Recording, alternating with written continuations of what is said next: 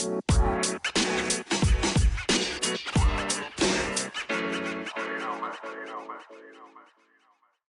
hei. Velkommen til nok en episode av Fantasy Snakkis.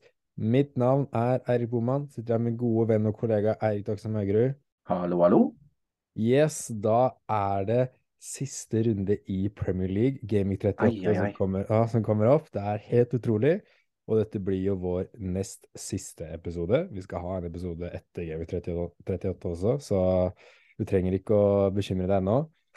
Men i denne episoden her så skal vi jo snakke om Double Gaming 37, som er og har vært, fordi vi har én Mm. kamp igjen når vi spiller inn dette. Uh, og så skal vi jo så klart snakke om Gaming 38. Vi skal snakke om hvordan Gaming 38 vanligvis ser ut, hvordan det ser ut i år, og aktuelle punts og våre transferplaner.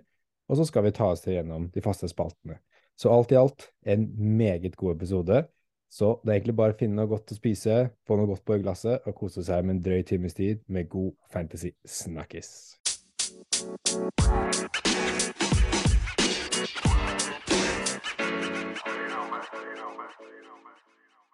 Ok, Doksheim, kan ikke du ta oss gjennom hvordan runden din går? Ah, må jeg det? Eh, Ja, folk det kanskje gjøre det. men nå, nå har jeg begynt å Denne uh, seksjonen av podkasten her er det jeg gruer meg mest til, fordi de siste nå så har det bare gått så dårlig. så det er ikke noe gøy å snakke om det. Eh, nei, eh, jeg, jeg takker Gud for at det bare er én runde igjen nå. Eh, har jo sett nå på Twitter at eh, det eneste folk gleder seg til, er at det skal være ferdig. Og den Ja. båten sitter jeg, sitter jeg litt i nå. Eh, jeg har hatt to grønne piler de siste åtte gamingsa. Eh, og fortsetter det, den dårlige trenden som det ser ut nå.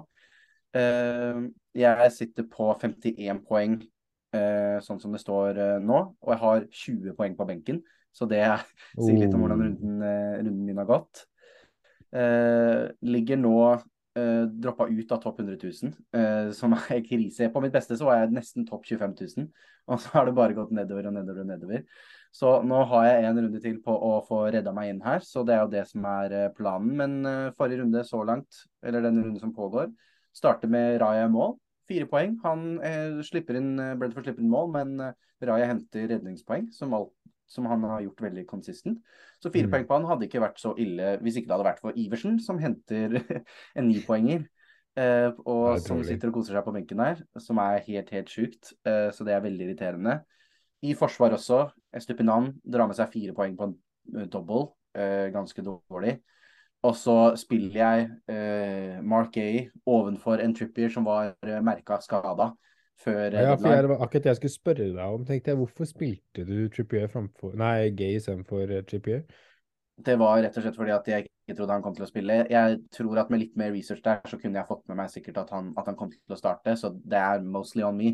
Mm. Eh, men jeg tenkte jeg, De hadde en, en grei kamp, og, og Trippier var uh, skada. Eh, men han spilte jo da Trippier og fikk med seg ni poeng, han. Og Mark Gay han fikk med seg ett. Og så har vi jo da en mulig reddende engel med at uh, Ruben Diaz han uh, spilte null minutter denne dobbelen. Det kunne jeg for så vidt ha sett for meg, uh, men det var rett og slett ikke jeg, jeg valgte å ikke bruke et bytte på han, og prioritere andre bytter isteden. Uh, og da tenker man kanskje at Trippier kommer inn fra benken, men det gjør han ikke fordi at Alex Moreno står foran han grunnet denne skaden, som jeg da satte Trippier på. Så Trippier sitter lengst ute på benken uh, og får inn da Moreno med ett poeng. Så Det er brutale det sider av saker. Ja, det er veldig brutalt. Eh, litt lysere i midtbanen. Mitoma, sju poeng. McAllister, seks poeng. Sala, fem poeng. Så de har jo klart å hente inn litt, selv om Mitoma og McAllister skulle hatt med litt mer av de på en dobbel. Sitter jo med en Rashford som ikke har, eh, ikke har eh, spilt den første kampen. Det laget eh, kommer snart ut, så det får vi se om han spiller, eh, spiller Det er jo. Spennende. Hvis ikke så kommer Isak inn på ett poeng, så det er ikke mye å hente på benken uansett. eh, dessverre. Men også sitter jeg jo med en Bruno Fernandes som eh, har tre poeng, og det er egentlig veldig greit, fordi eh, innad mellom oss så er det jo veldig viktig for meg i, i vår venneliga at Bruno ikke gjør det bra denne runden. For du har jo cappa han, det har ikke jeg. Mm. Eh, Så sånn sett så er det helt greit at han ikke har fått til noe. I angrep, der ser det mye bedre ut. Jeg kjørte jo Alvarez fra City og traff på han. Han skårte i første kampen, og kunne skåret i går også. Fikk en 35 minutter, som egentlig var eh, 90 pluss 35, var mer enn det jeg kanskje kunne håpe på på han på den dobbelen. Så det var jeg veldig fornøyd med. Han sanker ni poeng, som er veldig bra. Han har en veldig lav effektiv ownership også, så den, de poengene tjener jeg veldig mye på. Uh, og så er det Haaland, da, som jeg kapteina, uh, som uh, frustrerende nok ikke får med seg mål i kampen mot Brighton. Han spilte jo ett minutt eller noe sånt mot, mot Chelsea. men det var greit, for da fikk jeg poeng på Alvarez. Og han starta mot Brighton. Og han skulle hatt, han kunne hatt to-tre mål. Han får med seg en assist som han også kunne ha skåret på sjæl, egentlig. Mm. Så tolv poeng på han, som er greit å få med seg noe. Det er bedre enn en blank, men det er Keyword for denne runden for meg er tapt potensial. Det var mye som kunne gått andre vei her, for å si det sånn. Ja, det er sånn det er noen runder, men det er jo en del av mm. spillet. Man, uh, Dessverre. Det er aldri at man har en sesong der hvor ting bare går bra. Man må ha Nei. noe av de litt nedover. Men uh, foreløpig så har jo du mer poeng enn meg, da. Men det er mm. kanskje litt fordi jeg sitter jo med kapteinen min igjen i kveld, og to andre ManU-spillere. Uh, og du ligger foran meg med, med åtte poeng, så ja. I teorien så burde jeg jo klare å ta igjen det. Uh, men uh, vi, vi, får se. Det blir spennende å se. Men jeg, jeg har jo heller ikke noe Jeg også har jo hatt Eller jeg har hatt det motsatte, egentlig hatt veldig mye grønne piler i det siste. Akkurat nå er det en rød pil. Men jeg syns den kampen i kveld den kan svinge så mye at jeg vil liksom ikke bekymre meg så mye for at den pilen er rød akkurat nå. Uh, fordi det står at jeg trenger, ifølge livefpl.net, som er en nettside der man kan se din livescore, så står det at jeg trenger 14 poeng for å få en grønn pil, da. Uh, mm. Ifølge dem. Og det er fullt mulig på de tre spillerne jeg har i kveld, som er Fernandes kaptein, Lindeløf og Rashford. Uh, så det tar meg inn på egentlig hva jeg gjorde før runden. Jeg sa jo egentlig på poden forrige uke at jeg sleit med å få inn Fernandes, men jo mer jeg så på det, så innså jeg at jeg, jeg kan jo selge Grealish, fordi jeg tror ikke han kommer til å spille, og det gjorde han jo heller ikke. Og da mm. var det sånn Da trenger jeg bare gjøre ett bytte til for å frigjøre de pengene til Fernandes fra Grealish, da. Så da solgte jeg Trippier eh, for Lindeløf og Grealish for Fernandes, da. Eh, det var det jeg ville egentlig gjøre Fernandes og Alvarez, men det hadde jeg akkurat ikke penger til.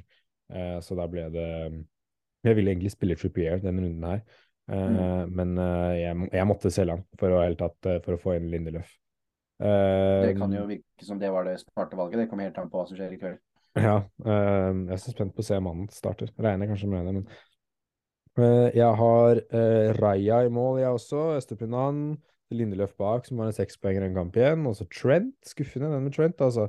Jeg trodde mm. jeg skulle få med meg mye mer, og han hadde jo et skudd der inne også som så ut til å gå i ferd med mål. og så... Liverpool fortjente jo å slippe inn den første omgangen, det er det ikke noe tvil om. Så den clean sheeten får han ikke fortjent, holdt jeg på å si. Uh, så det er jo greit. Uh, McAllister, Mitoma, Salah, Rashford, Fernandes cap på midtbanen. Fernandes også er veldig sånn han ligger og vaker hele tiden. Det virker som han skal, Det er derfor han har så høye underliggende tall, for det ser alltid ut som han skal få en scoring eller assist, men så er det liksom sånn Det skjer aldri. Det bare skjer ikke, så jeg håper det skal skje i kveld, da. Um, og så har jeg jo Wilson og Haaland, og Wilson går av banen der uten scoring. Er helt utrolig mot Leicester. Han hadde en i mhm. stolpen og redning på strekk. Jeg skjønner ikke hvordan han gikk av den kampen der uten å score, for det var også en av de litt diffe-spillerne jeg håpa skulle få med seg noe i den kampen der, da. Mm. Uh, og så er jeg Haaland. Og jeg valgte ikke å cappe Haaland, så jeg var jo veldig sånn Jeg håpa egentlig Haaland skulle gjøre det dårlig, og at han da bare for en assist, så tenker jeg jeg slapp eh, veldig billig unna, og det kunne mm. gå så bra som det kunne gå, egentlig. Eh, jeg håpa jo litt når han bare spilte 16 minutter mot Chelsea, og han var og festa og sånt, så tenkte jeg kanskje han bare får en omgang eller bare 20 minutter mot Brighton. Men så fikk han jo 90 minutter, så da tenker jeg at jeg med den assisten og da slipper jeg ganske billig unna. Uh, men jeg sitter jo også med en Botman på benken da, som drar med seg åtte poeng. Uh, så det er jo litt uh, frustrerende å se på det. Så kanskje hvis Rashford ikke spiller i dag, så får jeg inn en uh, Botman. Det hadde vært ganske konge, det, altså. Det hadde ikke vært konge i det hele tatt, faktisk. Nei, så få se. Det blir veldig spennende å se. men ja, en, en runde som jeg føler det er litt dumt å sitte og prate om den runden nå, for det, er så mye som kan skje i kveld for, mm. for min del. Og det er veldig mye som hviler på, på Bruno Fernandes i kveld. Så jeg, mm. jeg, trenger kun én scoring, og den scoringen kommer til å vippe meg så mye opp. Og så så jeg at uh, Fernandes trenger fire poeng i kveld for å outscore Haaland, og da har jeg gjort et riktig kapteinsvalg. og jeg, Det var litt derfor jeg satte han som cap også, for jeg, jeg hitta han inn. Og da var jeg sånn Mm. Hvis jeg skal tjene noe på han, så må jeg cappe han. Eh, ellers så tjener jeg jo ingenting på å hitte han inn, egentlig. Eh, så da, da ble det han på bindet, og så får vi se i kveld hvordan, eh, hvordan det går. Det blir veldig spennende. Mm. Eh, så med det sagt så har vi jo vår eh, lille segment, og det er jo rundens øyeblikk. Så kan ikke du ta oss gjennom ditt rundens øyeblikk, Doxe? Mitt rundens øyeblikk, eh, det er nok eh, trist øyeblikk for, for deg. Eh, helt OK øyeblikk for meg, egentlig. Det er kommer fra Liverpool-Aston Villa-kampen, og det er når Cody Gappo får målet sitt annullert. Eh, det er vel fordi er det Van Dijk som er i offside eh, før der, eh, selv om ballen kommer fra motspiller, veldig omdiskutert. Eh, men grunnen til at det er mitt rundes øyeblikk, er at eh, den annulleringen kan bli veldig avgjørende for Liverpool. Det kan være den avgjørelsen som gjør at de nå eh, mister Champions League neste sesong og må spille i Europaligaen. Ja, det er jo et Det kommer helt an på, da. Det, nå er det veldig Det som er litt kjipt med det øyeblikket, er jo også da at det ødelegger jo spenningen for siste runde med Champions League. da. Hvis Liverpool får de tre poengene i den kampen der, så lever jo Champions League helt fram til siste runde. Nå, hvis Mm. ManU får med seg ett poeng i dag, så er jo Champions League-plassene bestemt, da. Og Yep. den dommeravgjørelsen gjør det. Det er jo, var jo veldig frustrerende å se på. Og Ja, det det er veldig frustrerende den sesongen her. Syns jeg har vært veldig mye dårlige vareavgjørelser. Så jeg egentlig mm. tror vi hadde tatt et steg framover, men det virker ikke sånn. Um, det er det er helt merkelig, noen av de avgjørelsene, og den syns jeg også er helt merkelig. At uh, Jeg så det var Jamie Carragher og Gary Neville som sa det, at det var sånn For de, døm, de dømmer jo uh, på grunn av at Konsa den treffer han, han spiller ikke på ballen, så derfor så er van Dijk offside. Men hvis mm. Konsa ikke spiller på ballen, så er han en forferdelig forsvarsspiller. For i den Mhm. situasjonen skal alle forsvarsspillere prøve å klarere ballen, ellers så gjør du en dårlig jobb. Så det er jo, det er jo helt merkelig at dommeren ser på det som at Konsa ikke spiller på ballen. Han prøver jo å klarere ballen ut til corner. Det er akkurat det han gjør. Ja, Det nei, jeg er enig der. Ja. Merkelig avgjørelse. Nei, øhm, mitt øyeblikk, det må bare bli den NCISO-skåringen. Uff, Mm. det er Jeg syns det bare var helt fantastisk at øh, de viste reprisen på stadion, og så hører du publikum gå uh!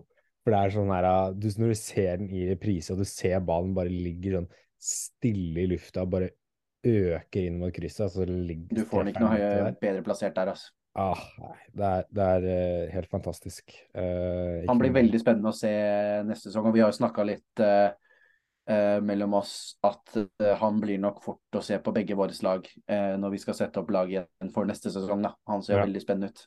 Ja, det blir eh, utrolig spennende å se hva prisen hans og posisjonen hans blir på Fantasy neste år. Mm. Eh, For en spiller. Utrolig god. Da tenker jeg vi har gjort, eh, gjort gjennom eh, første delen av podcasten, og vi kan Mm. hoppe inn i vår hoveddel, som er selve kjøttet av eh, episoden. Så kan vi ikke bare gjøre det, Adokse? Det syns jeg vi skal gjøre. Vi hopper eh, rett inn.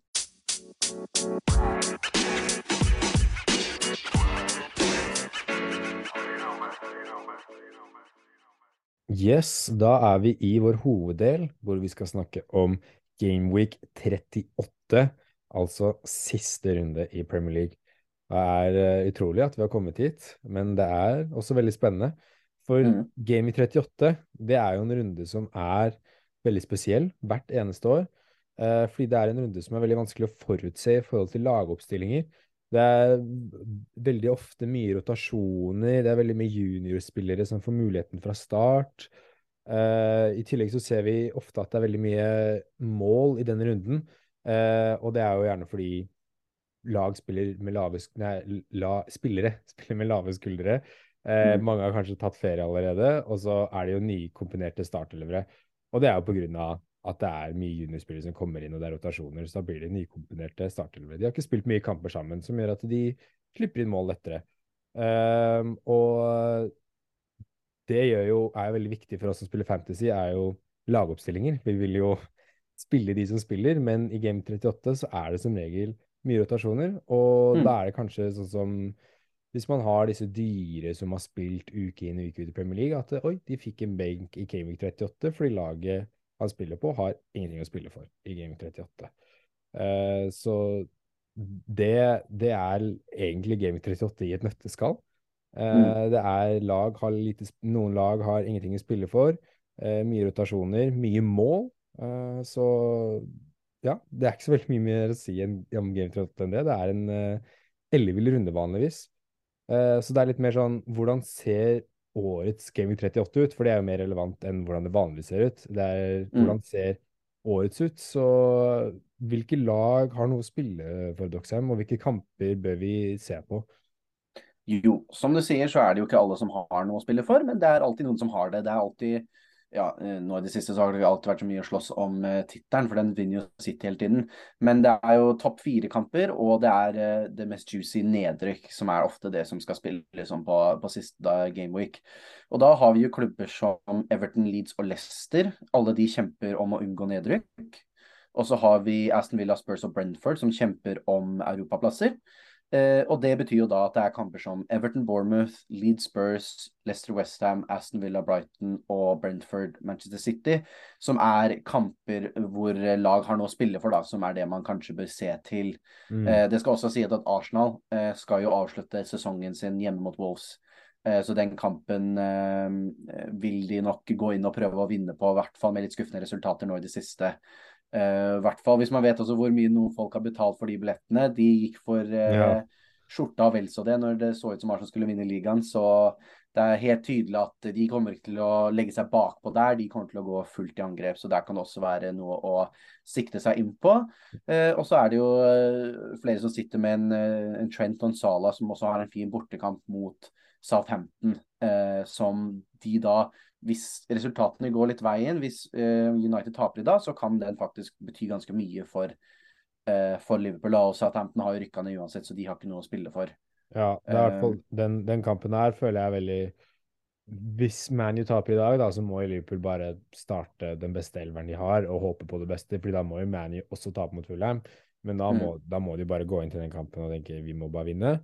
Uh, men hvis ManU får med seg et poeng i dag, så tror jeg fortsatt sånn som en Trent og en Salah kommer nok til å spille den kampen der, mens du får kanskje se sånne spillere som Harvey Elliot fra Firmino, eh, Milner Sånne spillere fra start, da. Og Ja. til og med kanskje en Joe Gomez får starte. Og van Dijk blir kanskje hvilt, eller eh, Konate blir hvilt, men og Robertson blir kanskje hvilt for Semikas. Men sånn Trent og Sala tror jeg, tror jeg skal spille den kampen uansett.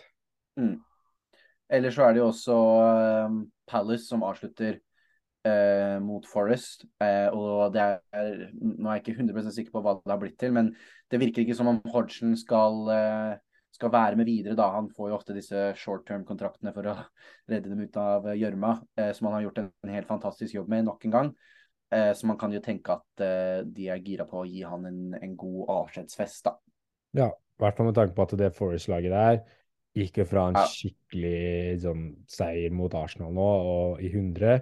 Og da er det vanlig å få en liten sånn hangover. og vi må ha siste Ja, De har jo sikra seg Premier League-kontrakt også, så nå er det ikke noe Ja. de trenger å, å, å kjempe for heller. Så der kan de være ganske avslappa. Og det er vel hvis ikke, det er vel på Sellers Park, er det ikke det? Jo, nettopp.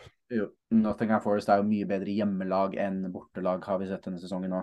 Mm, så jeg tror det kan være noen, eh, noen Palace-spillere der som er uh, veldig interessante, som vi skal snakke eh, litt mer om på punt, så har jeg noen av de på. Men eh, i Mm. tillegg så har vi jo vi har en Manchester United-kamp, da, som, Mm. eh, jeg, som er også en veldig sånn viktig kamp fordi for Fantasy, da. For det er mange som sitter med ManU-spillere. Om det er Shaw, Bruno, eh, Rashford eh, eller Lindeløf eller noe sånt, da. Van Bissaka. Så hvis ManU vinner i dag, da, så går jo de inn i den kampen. Det er sikkert med et rotasjonslag. Eh, og det er jo også en et tøft og godt Fulham-lag. Uh, så det er ikke bare bare. Men uh, jeg tenker på de, nei. Nei, så jeg, Men jeg tenker jo sånn som uh, Nå fikk vi nyheten at Rashford er benka i dag, da, som betyr kanskje at han starter til helga. Eh, Mhm. Og så tror jeg sånn som en Shaw, han blir værende, og Bruno, for de er litt sånn stammen av laget, da. Ja. Og de klarer å spille mange minutter. Men jeg Det er tror bare City som har så stor stall at de kan liksom endre et helt lag, nesten. Ja, ja. Eh, men sånn som en uh, De Gea kan fort bli benka for en Butland. Dalot kommer inn for en uh, fort inn for en Fambasaka. Maguire starter fort den kampen. Mm. Og ja, du skal ikke se bort fra at Anthony sitter på benken den kampen også, for de som eier han. Men det er en kamp man bør se etter, da. For, å, for å si det sånn. Eh, og da kan vi jo videre ta en titt på eh, de viktige kampene som vi nevnte i starten. Og da eh, har vi først Everton-Bournemouth. Så Boman, hvilke spillere syns du er interessante å se på fra den kampen? Jeg syns de mest aktuelle fra den kampen er Fra Everton så syns jeg det er McNeil, Jeremina, Tarkovskij og Dokoré. Mm. Um, og, så syns jeg at Solanke fra Bournemouth er en man ikke skal sove på hvis ting går uh, skeis med, med Everton. Fordi det kan det fort gjøre. Det er typisk litt sånn Game 38 også, at de som må vinne, de bare ender opp med å drite seg totalt ut. Og da vil Solanke være der til å putte ballen i mål. Ja, det er jo det sånn eh, Vi har jo snakket om, om lag som, som, har noe å spille for, men eh, bare fordi de har noe å spille for, betyr ikke det at de kommer til å gjøre det bra.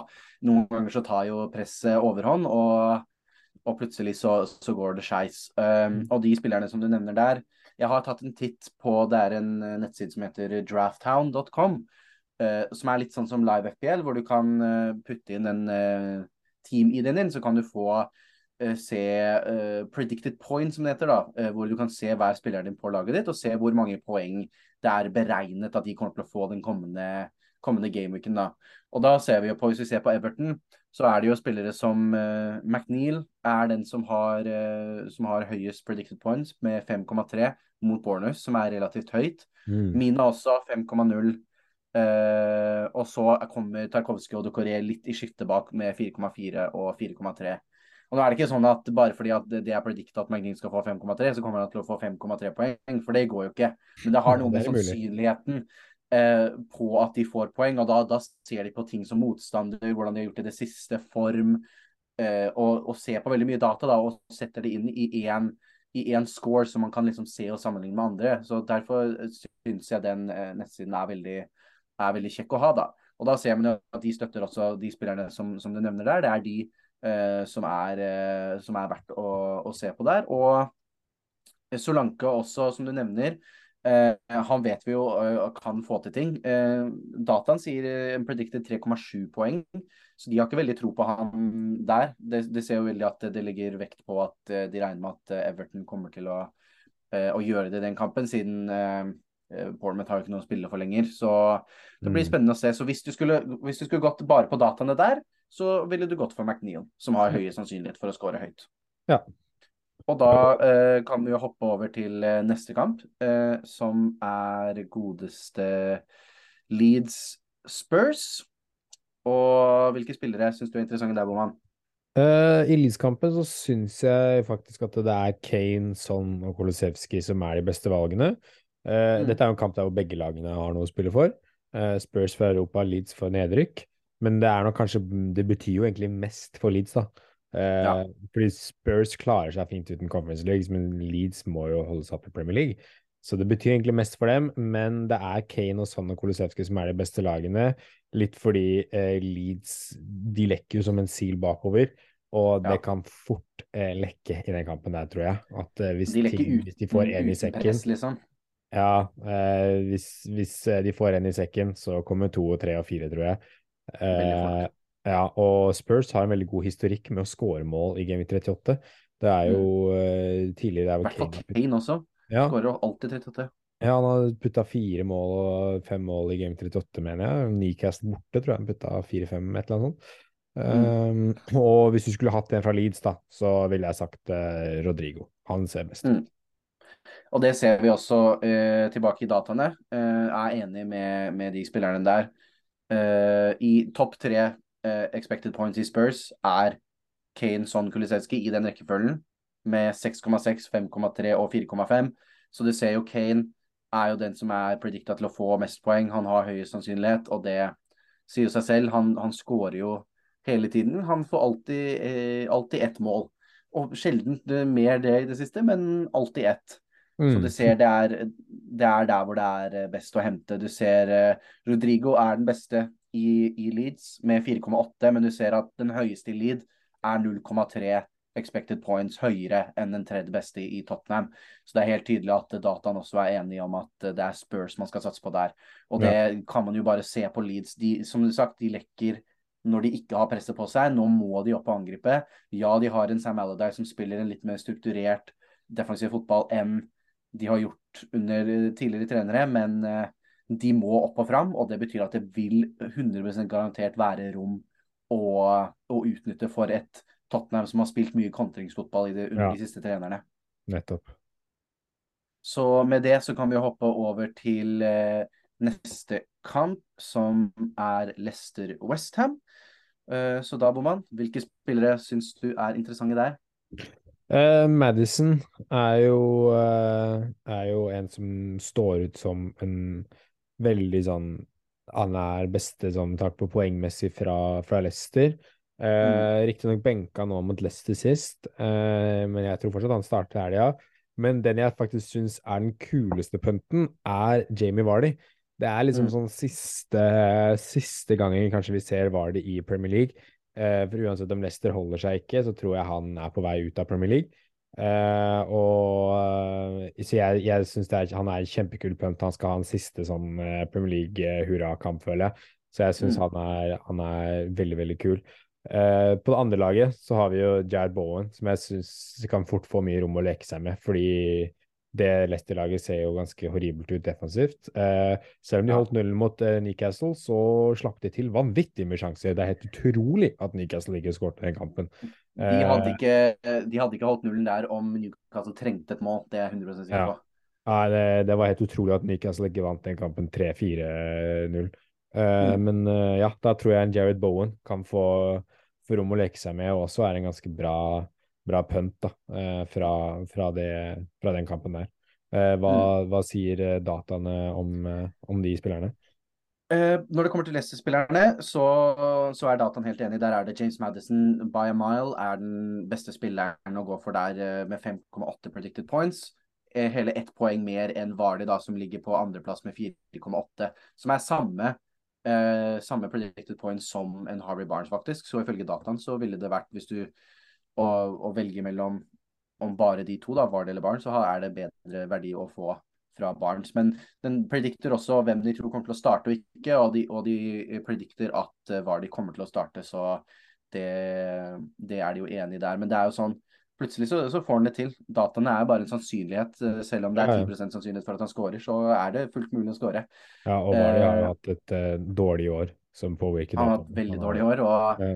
Hvis han får i seg et par Red Bull før kamp der og, og kjenner på stemninga, så, så, er det fort uh, mulig å få til. Og, men det er jo det presset til Leicester, da. De må ja. jo De må, må, de må vinne. Ja, altså håpe at Everton taper.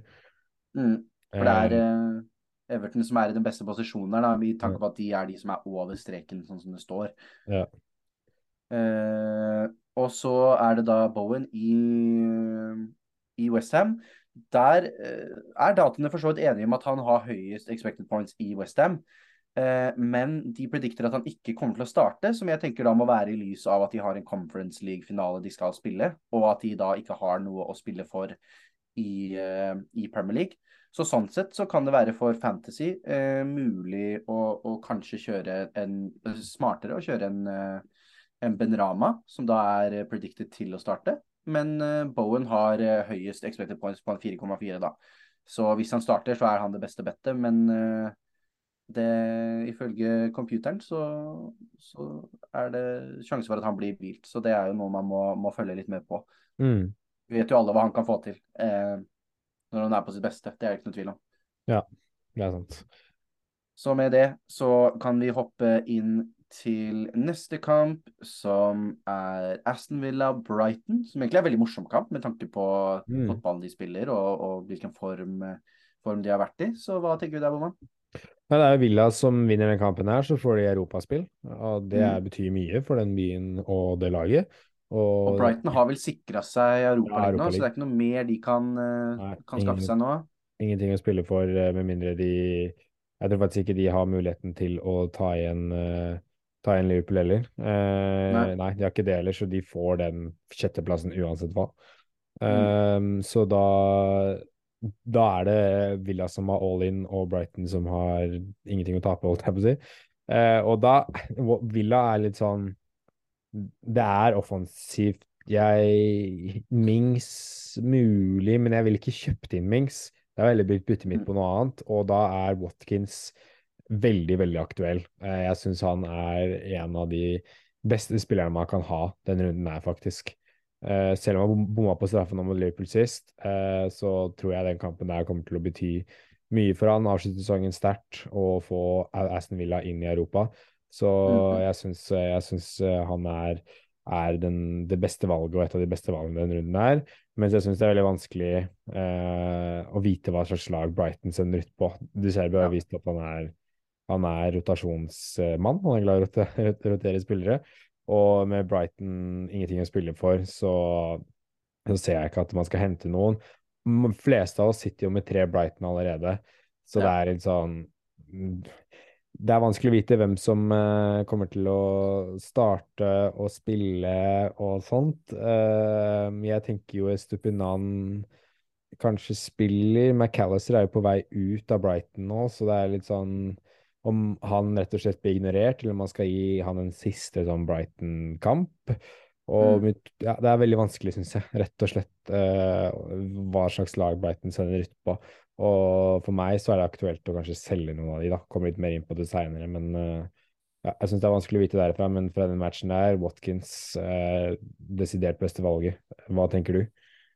Nei, eh, helt enig. Dataene tilsier det samme, at eh, Brighton er eh, ikke det laget man skal satse på, på nå. Av alle spillerne på begge de to lagene, så er det Watkins som har høyest expected points, på en fem blank. Og som du sier, er, er det beste valget å, å satse på der. Og du ser både Mitoma og McAllister ligger på en lav 4,5-4,4. Stupinan har en 3,7 expected points. Så det er tydelig at det mest sannsynlig ifølge analysen kommer til å bli mål på begge sider her. Ikke noe å satse på forsvaret på. og det er, jeg tror det er en situasjon at uh, du skal i hvert fall ikke kjøpe noe Brighton nå, tror jeg. Og uh, eventuelt mulighet til å, til å selge uh, en til og med nå. Mm. Om det blir Ifølge dataen så ville det vært Estupinan som er best å selge, da. men både McAllister også kommer veldig an på. Men hvis det er noe du skal sette på der, så er det som du sier Watkins. Og utenom det så ville jeg holdt meg unna å kjøpe Brighton akkurat nå. Ja. Og litt samme er jo Det siste kampen er jo City-Brentford, som vi nevnte, eller Brentford-City. Og det er, City er litt i den samme båten som Brighton. At Ja. eh, de er jo Reservelaget er jo gode, og de fortsetter å bevise, selv om de har vunnet ligaen, at eh, de spiller bra fotball. De er her for å spille fotball, de er ikke her for å ta ferie. Eh, viser jo at Haaland spiller jo 90 nå med Brighton, men likevel. Det er samme som Brighton. Det er veldig vanskelig å vite hvem som kommer til å spille den siste kampen der mot Brentford borte. Eh, nå har Ederson sittet på benken blant annet i to kamper rad. Sjokker meg ikke hvis han sitter på benken igjen. Nei, for det kan hende de prøver. Jeg vet ikke om han Ortega har muligheten til å få nok kamper til å få en vinnermedalje.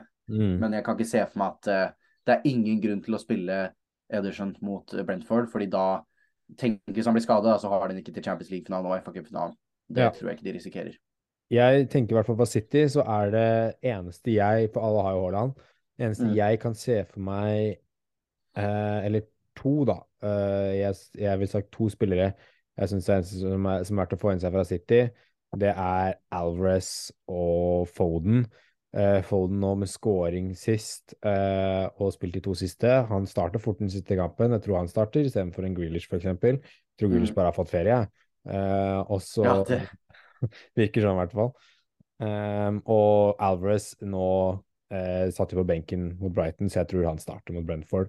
Uh, Mm. Og da tror jeg de er de to eneste jeg ville prøvd å fått inn hvis jeg skulle fått Hvis du har veldig lyst til å få inn en City-spiller, så syns jeg det er Alvarez og Foden mest aktuelle. Men jeg syns det er en veldig morsom spiller i, eh, i Brentford, og det er, som har vært en gamble, og det er Mbuemo. Eh, Mm. Han har spilt utrolig bra uten Tony-sesongen her. Jeg mener jeg sånn, sånn fire kamper han har spilt uten Tony, der han har henta det var ni, ti og tolv og en ellevepoenger eller noe sånt. Eh, han har gjort det veldig bra uten Tony. Eh, og det sjokker meg ikke hvis Brentford eh, rett og slett tar rotta på City i den kampen her, for de spiller om Europa. Og, mm. Mboemo vet ikke om de kanskje tar rotta på det, men om de vinner da, eller får en scoring eller to, så er Mbuembo i hvert fall involvert. da. Eh, og så tror jeg også at eh, en Raja kan få med, seg, få med seg mye poeng på redninger, da, og så plutselig så vinner jo Brentford den kampen med en clean shit, og City er ikke helt sånn opp for det, og Brentford tar den seieren, og da tror jeg Raja kan få med seg mye poeng. Til og med hvis de slipper inn også, så tror jeg han kan få en del redningerpoeng også. Mm. Eh, det er i hvert fall mine tanker. Eh, hva tenker du? Ja, jeg er for så vidt eh, enig i, i, alt du sier der. Haaland har jo den høyeste expected pointsen i City, på en 6,9. Du så jo nå sist, sist, mot Brighton at han får lov til å spille 90 minutter selv når han egentlig ikke trenger det. Han elsker jo bare å spille fotball, som de fleste fotballspillerne gjør. Og selv om det er mange som blir utsatt for pepperletten, så virker det som om han er en av de som, som faktisk kan, kan, få en start. da. Så er det usikkert nå som han starta sist kamp, om han starter denne som kommer.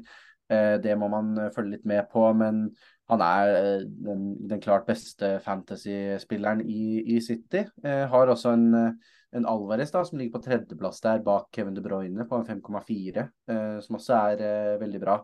Eh, men det ser litt ut som denne, denne algoritmen Det virker som den tar til hensyn alt som har skjedd hele sesongen, og setter mm. City da veldig høyt fordi at disse spillerne har gjort det veldig bra så langt. Jeg vet ikke om den helt klarer å, å skjønne nyansen i at det er en Game Week 38 med rotasjoner og sånt. Uh, for det er spillere som ligger veldig høyt, som, som, kanskje ikke er så aktuelle som skal spille, da. Uh, men det er også en shout på en, en spiller som en Maris, som ligger på en expected points på 5,0, som virker som å ha blitt prioritert mer i Premier League, da, som vi har snakket om, ovenfor uh, disse cupkampene. og når det kommer til Brentford, så er det Mbuemo som er Uh, som er den beste spilleren. Uh, Tony uh, var jo det, men han skal jo ikke spille fotball på en god stund, så han mm. er det ikke så, så, lurt å ha på laget. Uh, Mbuemo ligger på en expected boys på 4,1, så det er lavere enn de fleste av City-guttene. Men som sagt, med tanke på hvordan den algoritmen veier, så, så, tror jeg ikke den helt skjønner at Brentford nå har noe å spille for, som, og City ikke har det. Og ja. jeg tror fort at det er, er det én kamp City skal tape, så blir det fort den her. Uh, og da er det fort uh, MBM som, som, er på den. Så det er gode valgs all around. Um, Raja har jo også en expected points på bare 2,7 her, så det er tydelig at de ikke har troa på at, uh, at um, uh, Brentford skal holde nullen. Og det tror jeg for så vidt ikke heller de gjør, men uh, hvis du sitter da med en, en Iversen som har en Westham hjemme, så kan det hende at, at Rai er det bedre valget bare fordi han fort får med seg mer poeng eh, med redninger, som han veldig konsistent gjør. da. Han får mm. ofte med seg eh, ett eller to poeng ekstra, så at han ligger på en fire eller en fem uansett. da. Ja. Eller tre. Tre-fire poeng uansett. Så, så, det er de uh, interessante kampene, da. Men det skal også sies nå som Uh, vi har nevnt uh, sånne expected points og sånt. Det er jo bare uh, antydninger. Det er jo en sannsynlighetsregning og ikke noe fast fast data, bare så, så, det er sagt. Men det er interessant å se da hva mye data som det er vanskelig for oss å, å gå gjennom sjøl. At vi har programmer som kan gå, gå gjennom, analysere alt og, og, putte det inn i et tall som er lettere å forstå. Da. Det er veldig interessant. Ja, det kan adde litt mer mer enn bare sånn som uh, når vi ser kampene, da. Og ja. Jeg syns det er nyttig hvis du står mellom to, to spillere som er ganske like. Så syns jeg expected points kan være interessant. For det er, hvis det er en markant forskjell, da, så kan det faktisk være et som er smartere å ta uten at man er klar over det, da.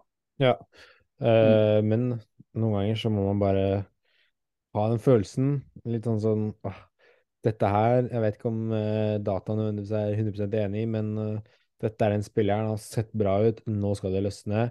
Det er Gameweek 38 som tar oss inn på Gameweek 38 beste punts. Det syns mm. jeg er veldig morsomt, fordi Game 38 så handler alt om punts. Og, handler alt om én runde. Det er nesten ja, som en free hit, på en måte. Ja, hvis det er en runde du skal gamble, så er den runden her. Og da har vi satt sammen en liten liste da, om de spillerne vi syns er de beste puntsa, rett og slett. Mm. Uh, og jeg kan jo begynne å ta, ta tre stykker. Uh, mm. Og da vil jeg nevne først uh, Vardi. Han koster 9,1, så han er jo dyr, da. Men det er jo for hvis du har litt penger i banken og vil oppgradere noen eh, Hvis du fortsatt sitter på Tony, eller hvis du sitter på Wilson, eller hvis du til og med vil gå bort fra en Haaland, så er det en Mm. mulighet. Han har bare en 2% eierandel, og jeg tror det var noe sånn effective eh, ownership i topp 100 000, så tror jeg han var 0% eller noe sånt. Ja. Uh, så, og han hadde jo da en expected points på 4,8. Uh, Mm. og så har vi da eh, Han er jo nevnt, og da en vi også har nevnt, er jo Jai Bowen. Han koster jo 8 millioner og bare eid av 3 Uh, Så jeg som sa jo grunnene i stad, uh, men da fikk du litt mer sånn hva de faktisk koster og eierandelen deres. Uh, og som vi sa, han har en expected points på 4,4. Eh, en ny en, eh, vi nevnte han litt i den Palace-kampen, men litt mer om han, det er jo Eberiche Esse. Eh, mm. Han har også blitt tatt ut nå i landslagstroppen til England, som gir han et boost og betyr at han ikke kan ta helt ferie ennå. eh, for å spille bra denne kampen her. Eh, han Det tror jeg er smart av dem, for eh, jeg lurer på om det er noe nigeriansk bakgrunn der. Og Ja. det kan hende de vil eh, gi han den A-lagskampen, så han er låst til England. da. De har jo hatt slitt litt med å miste eh, disse spillerne med, med ofte afrikansk utenlandsk bakgrunn, uh, som velger å spille for sin uh, fedreland Hva blir det? Sånn familieland, da, eller hva vi skal kalle det. Eh, fordi at eh, de ikke får sjansen sin på det engelske laget. da, så det kan hende de Han har jo vært innmari god, det er ikke det, men det kan hende at de prøver å, å, å komme seg rundt eh, At de ikke har lyst til å miste noen da, og prøve å få låst inn. Ja, jeg ser den. Eh, han koster jo bare 5,6, så han er veldig lett Mm. å gjøre noen av de Brighton-gutta eller noen billige om til han. Og Mm. har en veldig fin hjemmekamp mot Forest. Har 8,7% eierandel, så han er en av disse spillerne på den punselista som har høyest eierandel, eh, Mm. men likevel lav eierandel. Eh, og har en expected points på 5,9, da, som er eh, det, Det er høyeste på denne lista også. på den lista også. Mm. Eh, så så- SS ser veldig, veldig deilig ut. Helt enig. Eh, tar du tre nye spillere? Yes, da er det jo godeste James Madison. 7,8 eh, millioner koster han. En av de litt dyrere der òg, men med bare 4,5% eierandel. Og en expected points på 5,8, så han er 0,1 under Esse, da. Så her er det snakk om en spiller som kan, eh, som kan få mye poeng.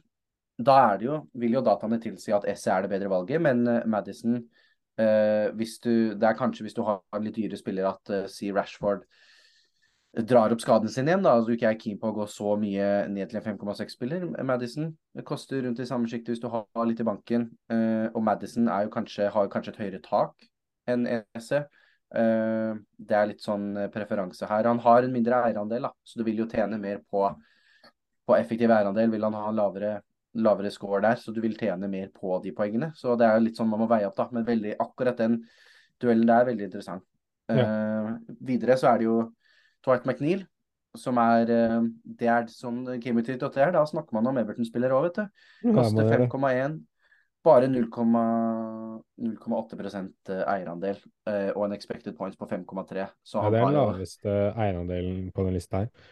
Ja, han har høyere expected points enn han har pris, for å si det sånn. Så han koster jo Ja, Og det har for så vidt Ebreces òg. Men det er, eh, der kan det være mye å hente, for der snakker vi lav eh, effektiv eierandel.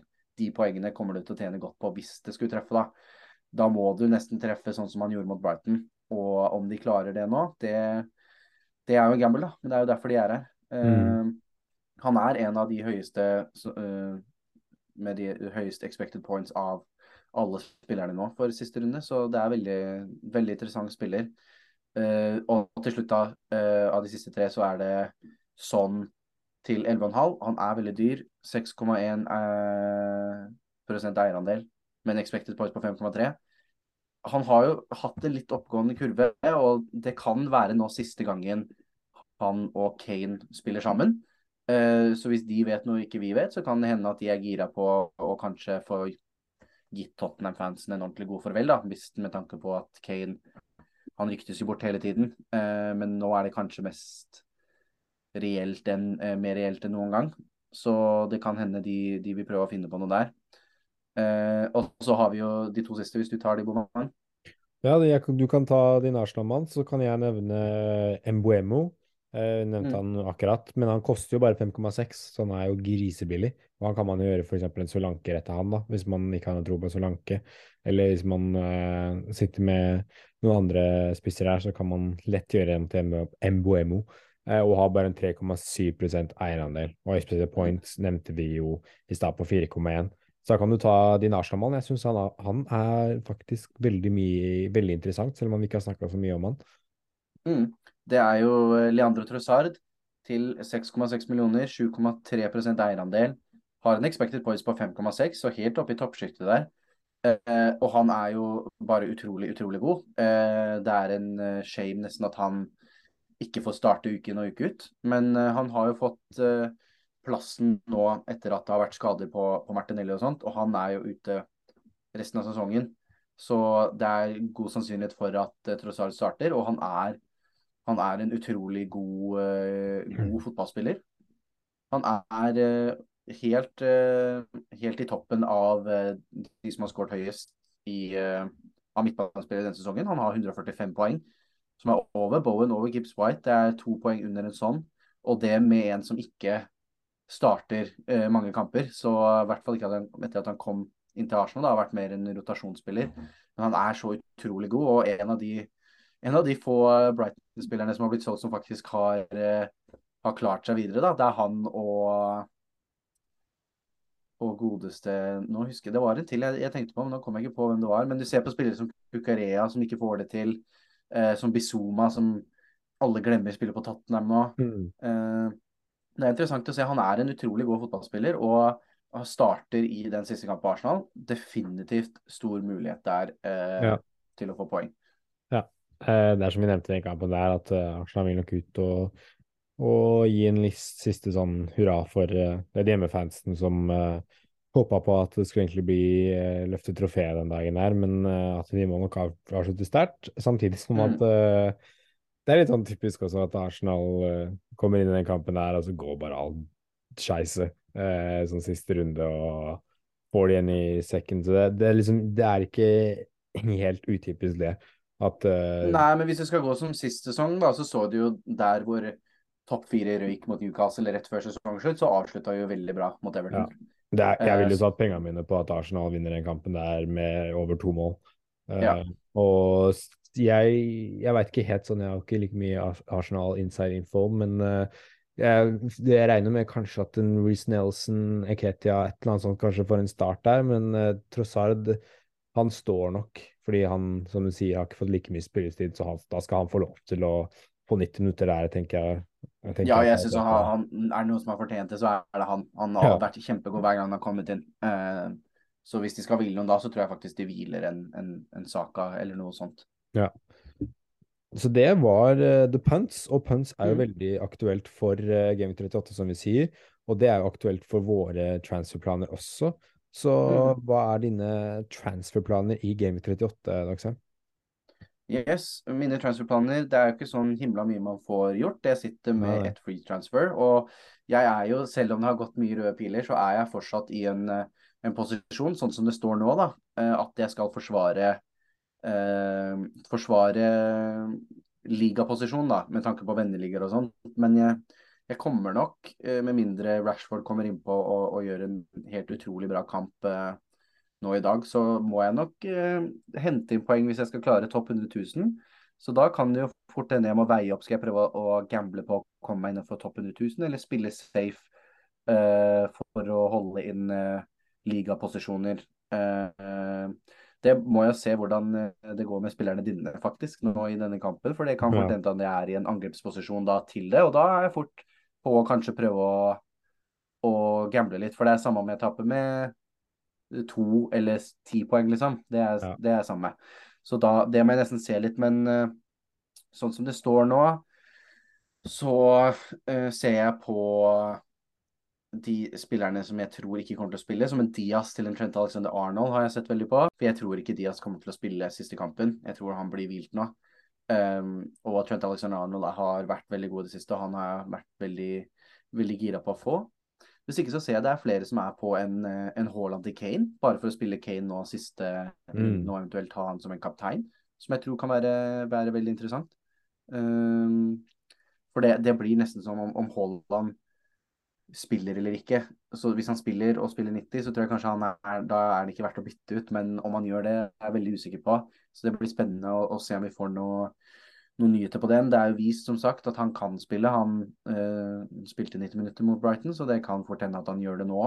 Det kommer helt an på hva, hva Pep tenker. Uh, ellers så har jeg veldig lyst til å få med den punten vi snakka innom med Ebrechiese, med så høy expected point som han har, og, og, så god spiller som han har vært i det siste. Er veldig morsom. Jeg har jo eid han litt tidligere i sesongen, uh, og det hadde vært litt gøy å avslutte med han også. Eventuelt for en Rashford, da, se hvordan ting er i dag. Om han er tiltenkt, og om han kommer inn, om han drar opp skaden sin igjen, hva det er, liksom. Uh, så må følge litt med på den. Uh, Ellers så har jeg noen skader, sånn som en Alex Moreno har, har fått, uh, fått, seg en skade, men det er ikke noe mer enn at han, han kan sette, settes på benken. Uh, så må ikke ha han ut. Uh, ellers så er det jo Brighton-gutta som vi snakker om. Jeg føler ikke jeg trenger alle tre i siste runde, men om det er verdt å hente ut en av dem, eventuelt Estupinan eller McAllister eller noe sånt, det, det, må jeg se litt an på. Uh, det kommer, som sagt, det kommer veldig an på hvilken posisjon jeg er i etter denne runden er ferdig, da. Uh, før jeg kan ta de, de, valgene. For enten, hvis jeg er i forsvarsposisjon, så blir det gjøre det byttet jeg mener jeg kan tjene mest poeng på. Bare bytte en spiller for en annen spiller, og, og, og ta det jeg tror jeg kommer til å tjene mest på. Hvis det er sånn at jeg har havna bakpå, så blir det fort kanskje ett eller to hits for å prøve å eh, hente meg tilbake i en last Hail Mary. Mm. Så det blir, utrolig, det blir utrolig spennende. Så det er mye som kan endre seg etter den kampen da, på hvordan jeg skal spille i siste runde. Ja, jeg er helt enig. Det, det hviler litt på den kampen der, egentlig, med planer. For alt du vet, mm. så kommer det en ja, skade inn i den kampen på Bruno, liksom. Uh, og da kan man at jeg vil bruke det byttet der. Nå er det jo ikke eh, deadline. Alle spiller jo samtidig ja. på søndag, så nå er det jo deadline helt opp til alle kampene blir spilt. Så her kan det være mulighet for å få leaks på lagene til alle kampene, liksom. Få veldig mye ja. informasjon. Det er nettopp det at jeg blir nok å vente helt til deadline før jeg kommer til å det bytte. Fordi mm. det kommer til å komme en del leaks på lagoppstillinger. Selv om det er et risky game, for det kommer til å være mange som kommer til å være på nettsiden da, og at det er litt risky at uh, siden krasjer. Uh, mm. Men uh, jeg blir nok å vente helt fram til deadline før jeg confirmer noe bytter, for å, for, å, si det sånn. ja, det er så nærme, så nærme jeg tør før siden krasjer. Ja. Uh, jeg har jo bare jeg transfer denne runden, jeg også. Og for meg så blir det for dumt å ta en minus fire, selv om jeg gjerne skulle gjort det. Fordi jeg har lyst til å få inn flere spillere. Mm. Uh, men uh, da blir det for lite, og jeg har tatt veldig mange minus fire i det siste. Så jeg tror jeg skal la være å gjøre det. For da blir det liksom sånn Hvis jeg tror én spiller bare får ett eller to poeng, så må jeg få inn én som får i hvert fall seks poeng eh, på en måte, og, for at jeg skal mm. tjene noe på det. Og det blir litt, eh, litt risky og litt dumt, syns jeg. Eh, mm. Så jeg tror jeg skal ligge unna i hvert fall minus fire. Eh, jeg er veldig sånn, for jeg har eh, I laget mitt så er jeg sånn Jeg har ikke tro på at Wilson starter. Ligger altså ingenting å spille for mot Chelsea. Jeg eh, tror det blir rotasjoner der, og Wilson kan fort sitte på benken. Uh, jeg er usikker på om Haaland starter, i hvert fall etter den 90-minutteren i går. Uh, jeg er usikker på om McAllister starter, siden ja, de grunnene jeg sa tidligere i dag. Uh, mm. Og så er jeg usikker på om Lindeløf starter, for de samme grunnene jeg sa tidligere, med rotasjoner og sånt. Og så er jeg også litt usikker på om Estupinan starter, litt fordi jeg frykter rotasjoner i det, i det um, Brighton-laget, i tillegg til at jeg tror at Brighton kommer til å slippe inn mot en Ollie Watkins. Mm. Uh, så, så, det er egentlig mest aktuelt for meg er å selge McAllister, Wilson eller Haaland, litt pga. de spillerne jeg vil hente inn. da. Uh, hvis jeg selger McAllister, så er det veldig enkelt å hente inn en McNeil, uh, som jeg lener veldig på, og kanskje mest akkurat nå. Mm. Men det går litt egentlig for time, for time hvem jeg har mest lyst på. Eller så er det ja. Brecce Essay for McAllister, så det er liksom Essay eller McNeil for McAllister. Um, og så hvis jeg skulle tatt ut Wilson eller Haaland, så er det Wilson, så går jeg da til en Ollie Watkins. Eh, og hvis jeg tar Haaland, så går jeg til Kane eller Vardy. Mest sannsynlig Kane for å putte bindet på han. Eh, mm. Så hvis det kommer noe lik som at Haaland er benka, så er det sånn oh, rett inn på Kane fort, kan fort hende. Eh, hvis jeg får noe lik som at Haaland starter, eller jeg ikke hører noe om Haaland, så kan det at jeg bare tar da McAllister for en McNeil eller, eh, eller Essay eller Wilson for Watkins. Men jeg skulle gjerne solgt Estupinan også, fordi med tanke på hvordan laget mitt skal spille denne runden her. Det blir liksom enten å spille Estupinan, eh, Botman borte mot Chelsea eller Totti borte mot Arsenal. Og eh, da er det som skulle egentlig helst solgt den Estupinanen, men eh, jeg ser ikke helt eh, hvem jeg skal hente inn der, for jeg vil egentlig ha, ha noen punts oppover. Jeg vet ikke liksom Nei, det er mest poeng, og, mest poeng eh, helt klart å hente i, i eh, angrep, angripende spillere, da. Ja, det kunne liksom vært en eh, kunne liksom vært en Minks eller noe sånt for Estupinan. Men, men ja, det er offensivt jeg har mest lyst til å hente spillere, da. Mm. Så ja, det er Det er veldig sånn jeg må se an. Se an disse om det kommer noen leaks eller ikke. Men Kane er veldig Jeg syns Kane er best Hvis du skal hente inn et kapteinsvalg, så syns jeg Kane er best å hente inn. Fordi han, kan, han er veldig enkelt å putte bindet på. Eh, Mens de andre er ikke like store kapteinsvalg for meg. McNeil, Essay eller Watkins. Jeg syns Kane Nei, er det blir litt, kapteinsvalget. litt stor risk igjen. Ja, samtidig som jeg har, har Sala på laget, så jeg har allerede et godt kapteinsvalg, da. Eh, Så jeg må ikke få inn et, godt, eh, et annet godt kapteinsvalg. Eller hvis jeg tar inn McNeil, så er han i den diskusjonen, da. Men det kan vi Mm. kanskje snakke litt mer om i vår spalte. Mm. Jeg skulle Eh, bare siste jeg skulle si er at det er jo Jeg ser på Twitter også, det er jo noen som holder freehitet sitt helt til siste runde. Ja, Akkurat for sånn situasjon som det her.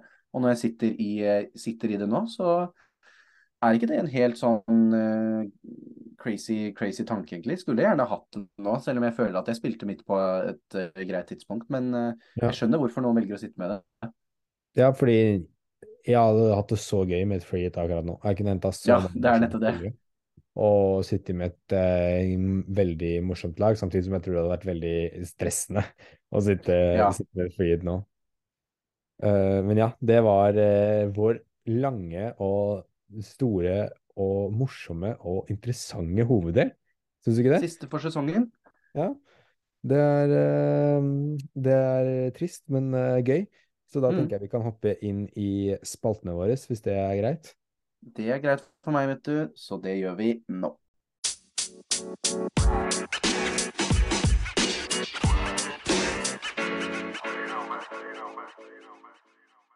Og da er vi inne i våre faste spalter.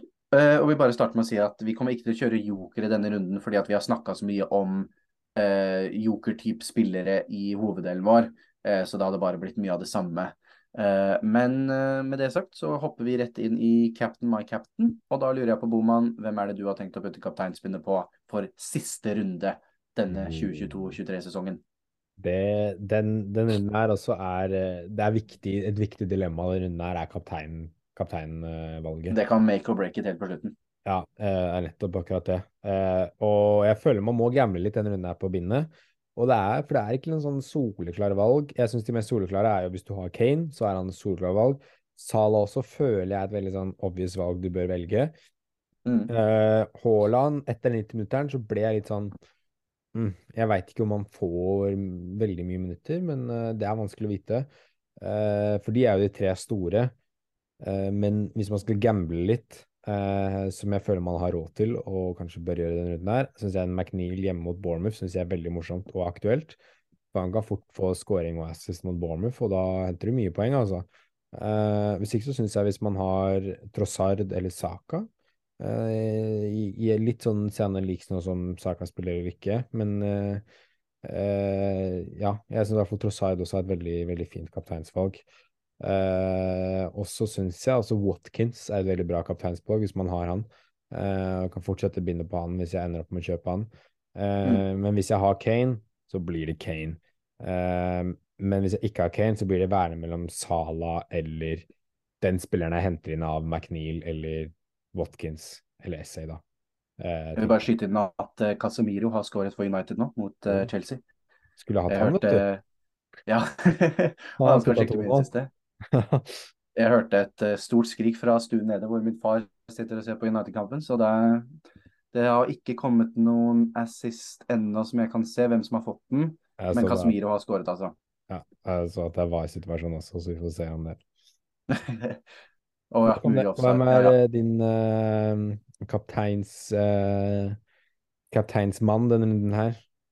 Nei, jeg har jo snakka mye om dataen, og vi- vi, har prøvd å følge magefølelsen de siste rundene, og det har gått såpass dårlig, så jeg lurer på om jeg bare skal stole på, på uh, The Numbers uh, denne runden, og ifølge dem så er Salah det desidert beste kapteinsvalget.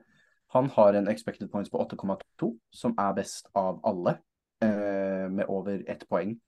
Altså han er ett expected points høyere enn andreplassen. Så her kommer bindet fort på han. Haaland er jo også oppe der, men han har bare en expected points på 6,9. Kane har bare på 6,6. Mm. Så det er helt tydelig hvem computeren mener er det beste valget. og det kan fort hende at jeg stoler på den og putter det på, på Sala. Men ellers så er jeg i samme båt som er at hvis, hvis jeg velger å hente inn Kane, så kommer nok båndet til, til, å gå på han. Uh, men sånn som det står nå, så går det på Sala for meg. Ja. Det er, jeg føler Sala er veldig Han er veldig veldig enkel å, å bare putte bindet på han uh, og bare mm. håpe på det beste. Jeg føler det er safeste valget, i hvert fall, hvis man ikke har Kane. Ja. Uh, Problemet ja. er da, bare siste er at uh, jeg tenker også muligheten for å Du tar Kane og henter inn Kane for en Haaland, fordi Haaland kommer da kanskje til å ha en uh, effektiv ownership på over 100 uh, uansett. Og at man ikke tjener det på han hvis man ikke capper han. Så hvis jeg da vil cappe Sala, så kan det hende at da er det lurt å hente inn en Kane, da. Som jeg kanskje kan Hvis han har en effektiv ownership på under 100% så kan jeg spille han og fortsatt tjene på de poengene og cappe Sala, da. Hvis jeg capper Sala og har Haaland, så vil jeg ikke tjene på Haaland. Heller miste ja, på han. Så det kan faktisk være noe å tenke på. Ja. Uh, ja, det var cap my cap'n. Ingen jokere den mm. runden her, sånn som du sa. Så mm. da er vi inne i vår siste spalte, hvis du vil uh, dra oss gjennom det. Det kan jeg gjøre, vet du. Først skal jeg bare si at den målgivende har kommet til Christian Eriksen. Så few for oss uh, som ikke håper på Bruno-poeng. Der står det fortsatt da 1-0 til United. Og da hopper vi rett inn i sesongens siste Eirik mot Eirik. Um, og da har det seg slik at uh, Erik mot Eirik er den lille mikroligaen hvor vi i hver, uh, hver, episode har et tema. Så velger vi en spiller innenfor det temaet og kjører de i en sånn head-to-head-league. Sist gang så var det spillere under 100 poeng. 100 poeng. Uh, der kjørte jeg Ederson fra City. og det, jepp, det det gikk ikke så bra, men du kjørte Enciso fra Brighton. Og Ederson han spilte null minutter, så det ble vår første nullpoenger i Eirik mot Eirik. Mens Enciso han fikk med seg et nydelig mål og sju poeng. Så da står totalsummen vår før siste runde. Jeg på 95 poeng, og Boman på 88, så her kan alt snu fortsatt. Mm. Um, og temaet vi har valgt for siste runde med Eirik, er kanskje den jeg har hatt det gøyest med det er eh, en, hvilken, en, den Premier League-spilleren du helst ville hatt med som gjest når vi i første episode av neste sesong av Fantasy snakkes. Mm. Eh, og da er det jo jeg som velger først, siden jeg eh, skårte lavest sist. Og det første jeg tenkte på da, var at det var så mange måter å, å, tolke dette svaret på. Er det hvem jeg hadde syntes vært kulest gjest, bare som på min personlige del? Er det hvem jeg tror hadde vært best som fantasy-spiller? Mm. Eh, så jeg tenker jo, sånn Hvis jeg skulle hatt en gjest som jeg ville hatt, så hadde det vært kanskje en Arsenal-gutta som en, jeg hadde veldig hatt lyst til å tatt en prat med f.eks. Granit Sjaka. En Saka tror jeg hadde vært, eh, vært veldig morsomt. Ben White tror jeg hadde vært kanskje, kanskje litt lættis å hatt på podkasten, liksom. Eh, men så tenkte jeg Ivan Tony er jo han du kanskje burde hatt. Han er jo en real gambler. Han mm. vet jo hvordan dette går i. Men så tenkte jeg fra et fantasy-perspektiv, så er ikke Eller fra et Eirik mot Eirik-perspektiv, så er det veldig dårlig å velge ham, for han kommer ikke til å spille. Han da får du null poeng igjen. Ja, og det tør jeg ikke satse. Så vet du hva, da gjorde jeg rett og slett Jeg gjorde litt research og prøvde å finne ut Fordi uh, det er jo en del Premier League-spillere som faktisk spiller fantasy. Ja. Så da prøvde jeg å sjekke hvem av uh, Premier League-spillerne er det som er best på fantasy. Og det viser seg at det er uh, en, en, god del Jeg fant en nettside som heter FPLBot, som har verifiserte Premier League-spilleres lag eh, rangert.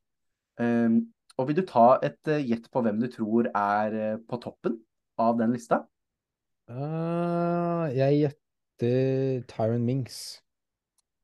Det er riktig nasjon, men det er James Madison som er, som er, best. Han ligger faktisk på Når sist denne ble oppdatert, så lå han på topp 66 500 plass. Som er bedre enn begge oss. Så det er utrolig, utrolig bra, egentlig. Eh, det er to spillere som per dags dato, når det, denne siden sist ble oppdatert, lå foran meg. da, Det er James Madison og Adam Forshaw lå rett over topp 100 000.-plass. Eh, så det var faktisk ganske interessant. Og James Madison er jo et veldig bra valg for denne runden uansett. Så da tenkte jeg at eh, han, hvis han er den beste eh, fantasy-spilleren, så ville jeg hatt han med her første episode. For han, da er det tydelig at han kan litt fantasy også, ikke bare spille fotball. Så da velger jeg James Madison. Kanskje vi får noen, eh, noen inside news hvis Lester lykker ned også, om hvilken klubb han skal spille for neste sesong. Ja, Han ikke du kan, med i du, kan sjekke, du kan sjekke laget til alle disse spillerne, og jeg kan melde at uh, James Madison har ingen Han har, har benka Iversen, faktisk, han òg. Det er den eneste Leicester-spilleren han har på laget. Han har ikke seg sjæl. Ok, det er bra. Eh, nei, så, altså, det var interessant. Uh, jeg tenkte også litt sånn hvem syns jeg er morsom. Hvem, jeg tenkte også litt på sånn Fra hvilket lag vil jeg aller helst hatt litt sånn inside informasjon om? Uh, mm -hmm. Også mens jeg hadde hatt de som gjest. Så da var jo Brighton naturlig, da, for jeg tenkte um, her kan det kanskje være noe morsomme å in intervjue om hvordan ser lagoppstillingen ut i sommer, og hva syns du om prisene, er det riktig, hvem tror du får en bra sesong, og hvordan tror du dere kommer til å stille opp og stille sånne spørsmål, da. Men jeg følte Mm. sånn, det mest aktuelle intervjuet der var kanskje med Toma. Eh, jeg vet ikke hvor stødig han, han er i engelsk.